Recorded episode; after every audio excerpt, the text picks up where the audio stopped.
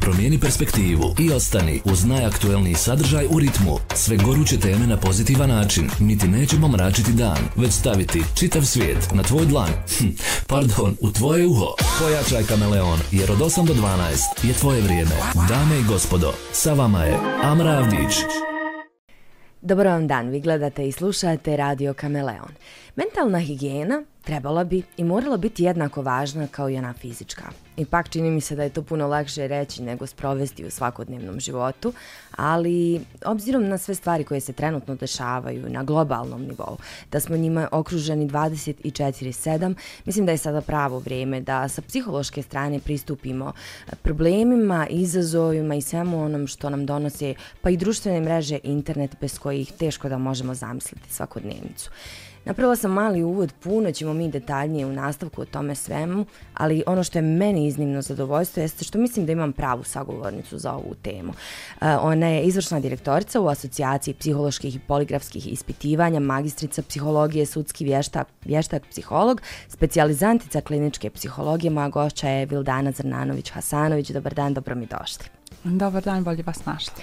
Puno je ovih stvari koje nekako vredi i moramo istaći uh, u početku razgovora sama, ali evo, sa jedne ljudske strane, kako vi proživljavate sve ove vijesti? Mislim naravno na Izrael i Palestinu i ono što gledamo ovih dana, pa evo, sa nekog ličnog nivoa, kako vi konzumirate te vijesti i kako ih proživljavate?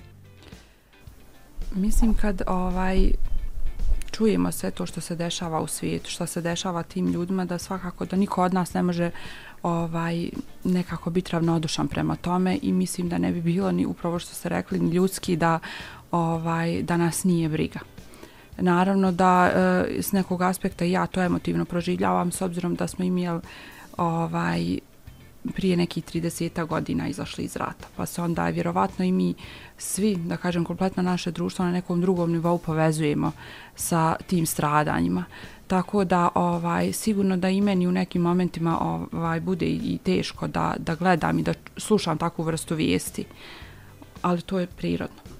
Kažu ljudi gledam rasprave na društvenim mrežama, odnosno čitam ih. I sada pokrenula se jedna ozbiljna lavina onih koji tvrde da je gotovo nasilno tjerati samoga sebe po nekoj pozitivnoj psihologiji, E, da okrenemo glavu od svih vijesti koje čitamo i konzumiramo i da je u redu, ja sad naravno iznosim ono što čitam, i da je u redu da gledamo i konzumiramo te sadržaje, ali ja želim stručno mišljenje koliko zapravo možemo sebi negdje dopustiti, pogotovo koliko nas to emotivno razara, e, gdje je nekakva granica, kako bismo sami sebi trebali postaviti granicu? Naravno da ne možemo se ovaj oglušiti na sve te informacije koje imamo i kojima smo obasuti u zadnje vrijeme. Ovaj, ali svakako važno je jako dozirati ono što konzumiramo i jako je važno izvor iz kojih uzimamo informaciju. Um, mislim da je apsolutno nepotrebno da svakodnevno, znači obsesivno pregledavamo različite vrste sadržaja, da li putem, ne znam, medija, TV-a, da li, ne znam, preko društvenih mreža, jer to a, ništa nam dobro neće donijeti. A, znači, jako je važno ograničiti informacije koje primamo, naravno ne možemo se ponašati, jel da, da nas to ne interesuje, da, jel poput Noja, stavimo glavu u pjesak i to se nas ne tiče šta se dešava tamo na drugoj strani svijeta, jer evo svjedoci smo da nismo očekivali ni rat u Ukrajini pa se desio. Znači mi ne možemo znati kad se šta može desiti u ovom svijetu, s obzirom je na okolnosti kakve jesu. Da o, sve što se dešava nepredvidljivo i odluke su nepredvidljive od tih nekih ljudi koji vladaju svijetom. E, ali naravno, e, ne u onoj mjeri da mi sad sebe opterećavamo. Mm -hmm. Znači, jer to može definitivno e, potaknuti, e, rekla bi da o, nijedan čovjek nije jednak. Svi smo mi različito senzibilni, e, ali e, trauma jeste, jel, događaj, odnosno e, procjena situacije koja je e, nenormalna, mi nju normalno doživljavamo na, da kažemo, e, jedan način koji je izvan e, onog e, normalnog nivoa stresa, znači mi ćemo imati drugačije reakcije, znači to je normalna reakcija na nenormalnu situaciju koju predstavlja trauma. I znači to će po pravilu uticati na svakog od nas. Yes. Ovaj, zato je jako važno da e, te sadržaje ograničimo na nivou informacija da znamo, da znamo šta se dešava, ali ne da e, gledamo e, sadržaj koji su visoko traumatičnog e, oblika, da tako kažem, neke videoklipove stradanja, raskomadanih ljudi, e, ne znam, nekih ruševina iz kojih, ono što sam ja imala u zadnje vrijeme priliku ovaj, da, da vidim. E, svakako takva vrsta sadržaja nam neće da kažemo ni pružiti neke posebne informacije, a, a hoće negativno utjecati na naše mentalno zdravlje. Znači Jasne. mi moramo na, na našem svakodnevnom nivou funkcionisati i obavljati naše primarne zadatke, jer e, te stvari koje se dešavaju tamo e, mi nemamo puno kontrole nad, nad tim i mislim da je e, suludo da sad e, u toj mjeri se bavimo e, događajima koji se desne na drugom, da kažem, kraju svijeta, a da ono što mi ovdje možemo uraditi za našu porodcu, za naše društvo, ostavimo po strani, jer bi bili preplavljeni ovaj, takvom vrstom informacija. Znači, naći nekakvu granicu i mjeru dakle, napomenuli ste negdje, mislim da ste i lijepo čak taksativno poredali e, koje to stvari e, mogu uticati negativno na nas. E, ukoliko se neko sada pronašao, da li je to znak za alarm? Da mora da, da presječe i da nekako napravi neki zaokret? Je li bismo mogli to tako svesti? Pa ja smatram da jeste upravo to što ste rekli. Znači, ako e, sadržaj, ako vi imate potrebu da non stop iščitavate takvu vrstu sadržaja. Ako vidite da posle toga vi se ne osjećate dobro, niste funkcionalni, da su vas emocije preplavile i da nakon toga uh, vi razmišljate, da kažemo, o, o nekakvim negativnim stvarima, prisjećate se možda neki stvari koje su se vama dogodile u prošlosti uh, ili uh, poistovjećujete se na tom nivou, a šta da sam ja tamo? E, mislim da je to ono alarm gdje vi e, trebate povući jednu crtu, ograničiti maksimalno taj sadržaj, da li to jedan put dnevno da pogledate neke vijesti ovaj, iz nekog, da kažemo, provjerenog izvora informacija i da to bude to za vas. A da pokušate onda jel, na drugom nivou da e, radite stvari koje će vama pomoći da se relaksirate i da te sadržaje koje ste vidjeli, proradite. To je jako važno da to se ne zadržava, znači to može biti obična šetnja. Znači ne, svako od nas je različiti, uživa u različitim stvarima, ali jako važno da, da e, sadržaje koji jesu ostavili da kažem utisak na nas ne ostane na tome nego da pokušamo što više se da kažem relaksirati okrenuti pozitivnim stvarima makoliko to bilo teško ovaj, ali to je nešto što nam je jako važno da bi mi bili, da kažemo, dobri sebi i svojoj poruci i svom društvu. Um, ajde da napravimo ako je to moguće jednu paralelu. Da li ovakve vijesti, ovakvi događaji mogu da vrate određene traume Pritom ne pričam samo o PTSP-u. Dakle, pričam i o depresiji i o anksioznim napadima. E, dakle, praćenje tog sadržaja, da li može ponovo nešto što smo smatrali da je možda i zaliječeno jednim profesionalnim radom na tome da nam se vrati? A s druge strane, da li mislite da, da nam ovo može izazvati neku novu kolektivnu traumu koju još uvijek nismo svjesni? Mi jesmo specifično društvo koje ima to iskustvo ovaj, proživljenog rata iza nas. A ono što je sigurno dokazano jeste da trauma ne utiče samo na ljude koji su proživjeli određeno traumatično iskustvo, nego i putem jel, prenošenog narativa to se prenosi i na naredne generacije, na djecu, na e, kasnije neke generacije. Znači da e, ne možemo reći da je to ograničeno samo na one ljude koji su to doživjeli. E, svaki sadržaj ili slično iskustvo ili evo neka potencijalna opasnost koja je ugrožavajuća i koja se može percipirati ugrožavajući po život svih nas, može biti trigger ovaj, za pokretanje, da kažemo, nekih tih uh, uspavanih uh, patnji, da tako bi to nazvala, ovaj, i da pokrene e, nekoga ko je, na primjer, bio u, u stabilnoj jednoj remisiji, već je, znači, razriješio određene probleme koje je imao, da ga to sad ponovo vrati na ono što je on proživio i kako se on osjećao je li samo nakon tog događaja u nekim neposrednim godinama posle rata. Ovaj, tako da je jako važno da, da razmišljamo o tim stvarima, evo i kroz medijsko izvještavanje, da, da e, se pokuša to na što objektivni profesionalni način ovaj o tim stvarima govoriti i naravno da svako od nas pokuša to da ograniči, pogotovo ljudi koji su imali ovaj iskustva, koji su bili u ratu, e, čiji su roditelji bili u ratu, gdje su oni učestvovali, imali gubitke, da e, pokušaju u što većoj mjeri da se ograniče od, od e, te potrebe da, da čitaju sadržaje koji su vezani za rat. Jer to sigurno u takvoj situaciji neće im donijeti on, onaj, ono što sam rekla, jel, neće im donijeti neko dobro, jer mi apsolutno znači nemamo kontrolu na onim što se dešava u svijetu. Znači to je izvan naše kontrole. I jako je važno biti svjestan toga u smislu da e, pokušamo da pustimo stvari e, na koje ne možemo uticati. Znači mi tu samo možemo da se brinimo, da se sikiramo, da ne spavamo, ali u suštini ne možemo ništa promijeniti jer nismo mi ti koji donosimo odluku ni da taj rat počne ni da završi. Zato je jako važno da um, se maknemo od tih stvari i da se bavimo, da kažem, našim svakodnevnim problemima, obavezama e, i da ukoliko e, čovjek koji e, ima određene tegobe to primijeti, primijeti znači da se s njim nešto dešava, a osobe koje su imali iskustvo jel, PTSP-a ili uh, neku drugu vrstu uh, poremeća, da tako kažemo, ili bolesti duševne, uh, oni otprilike mogu i da uh, predosjeti kad, kad ovaj ponovo to njih preplavljuje. Mm -hmm. I da takvim situacijama uh, apsolutno da se ne ustručavaju da potraže stručnu pomoć, jer jako je važno, kažem nekad i, i samo to nespavanje ne možemo riješiti ime što ćemo pokušavati nekim svojim ličnim tehnikama, jer to pogoršava apsolutno uh, cjelokupno zdravlje čovjeka. Jasne. I psihičko i fizičko. Znači nekad se mora otići ovaj psihijatru i dobiti, evo da kažemo i tu neku pilulu koja će nama pomoći da prvo na onom hormonalnom nivou mi e, smirimo naš organizam pa da tek poslije toga možemo uh, vratiti taj nekakav psihološki balans i bioritam.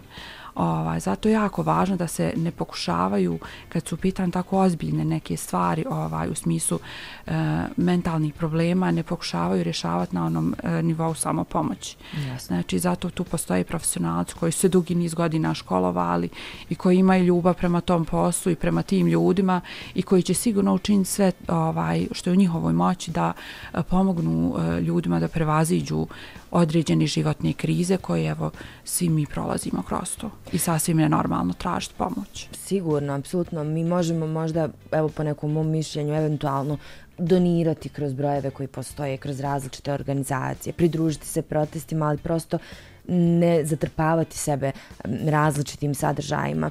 E, obzirom da smo spomenuli grupu e, ljudi koji dakle imaju na primjer PTSP pa će puno prije potražiti tu psihološku pomoć.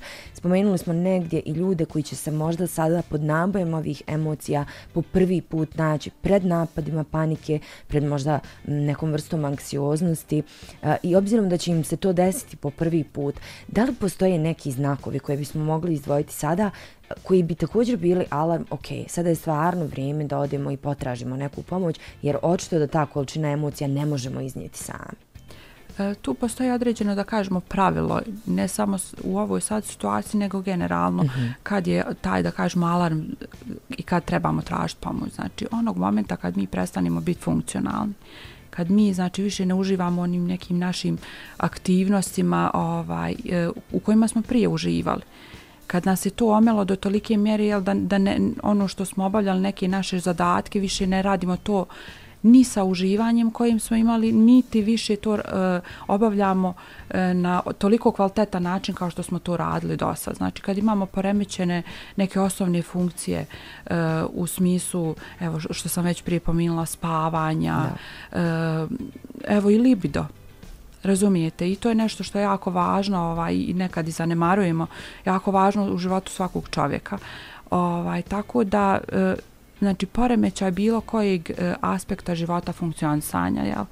Tako da e, u tom momentu kad primijeti čovjek da, da jedan njegov dio ne funkcioniše na adekvatan način, svakako je to nekakav alarm e, da se javi i potraži stručnu pomoć. Znači kad iscrpi sve oni resurse i obično to tako i bude. Niko se jel na prvu nekako ne javi kad se prvi neki simptomi javi. Mm -hmm. Nego znači kad već e, su pokušali neke ove tehnike samo pomoći, ovaj, i vidjeli da to ne funkcioniše i da se to ne može riješiti na način da odim da porazgovaram sa prijateljem, sa članom porodice, onome što mene muči uh, i da ta, na takav način se ništa nije riješilo, onda se jel, potraži stručna pomoć.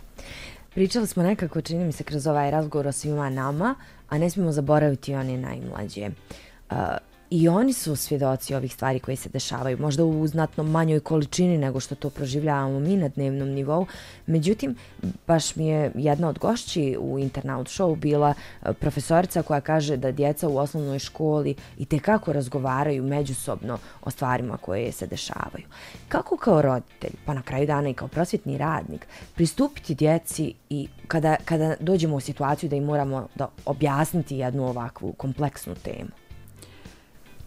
E, ono što bi prvo naglasila je jako važno da roditelj vodi računa kakve sadržaje njihova djeca gledaju. E, sadržaj e, takve vrste e, i, i takvog intenziteta ovaj nisu apsolutno primjereni za djecu.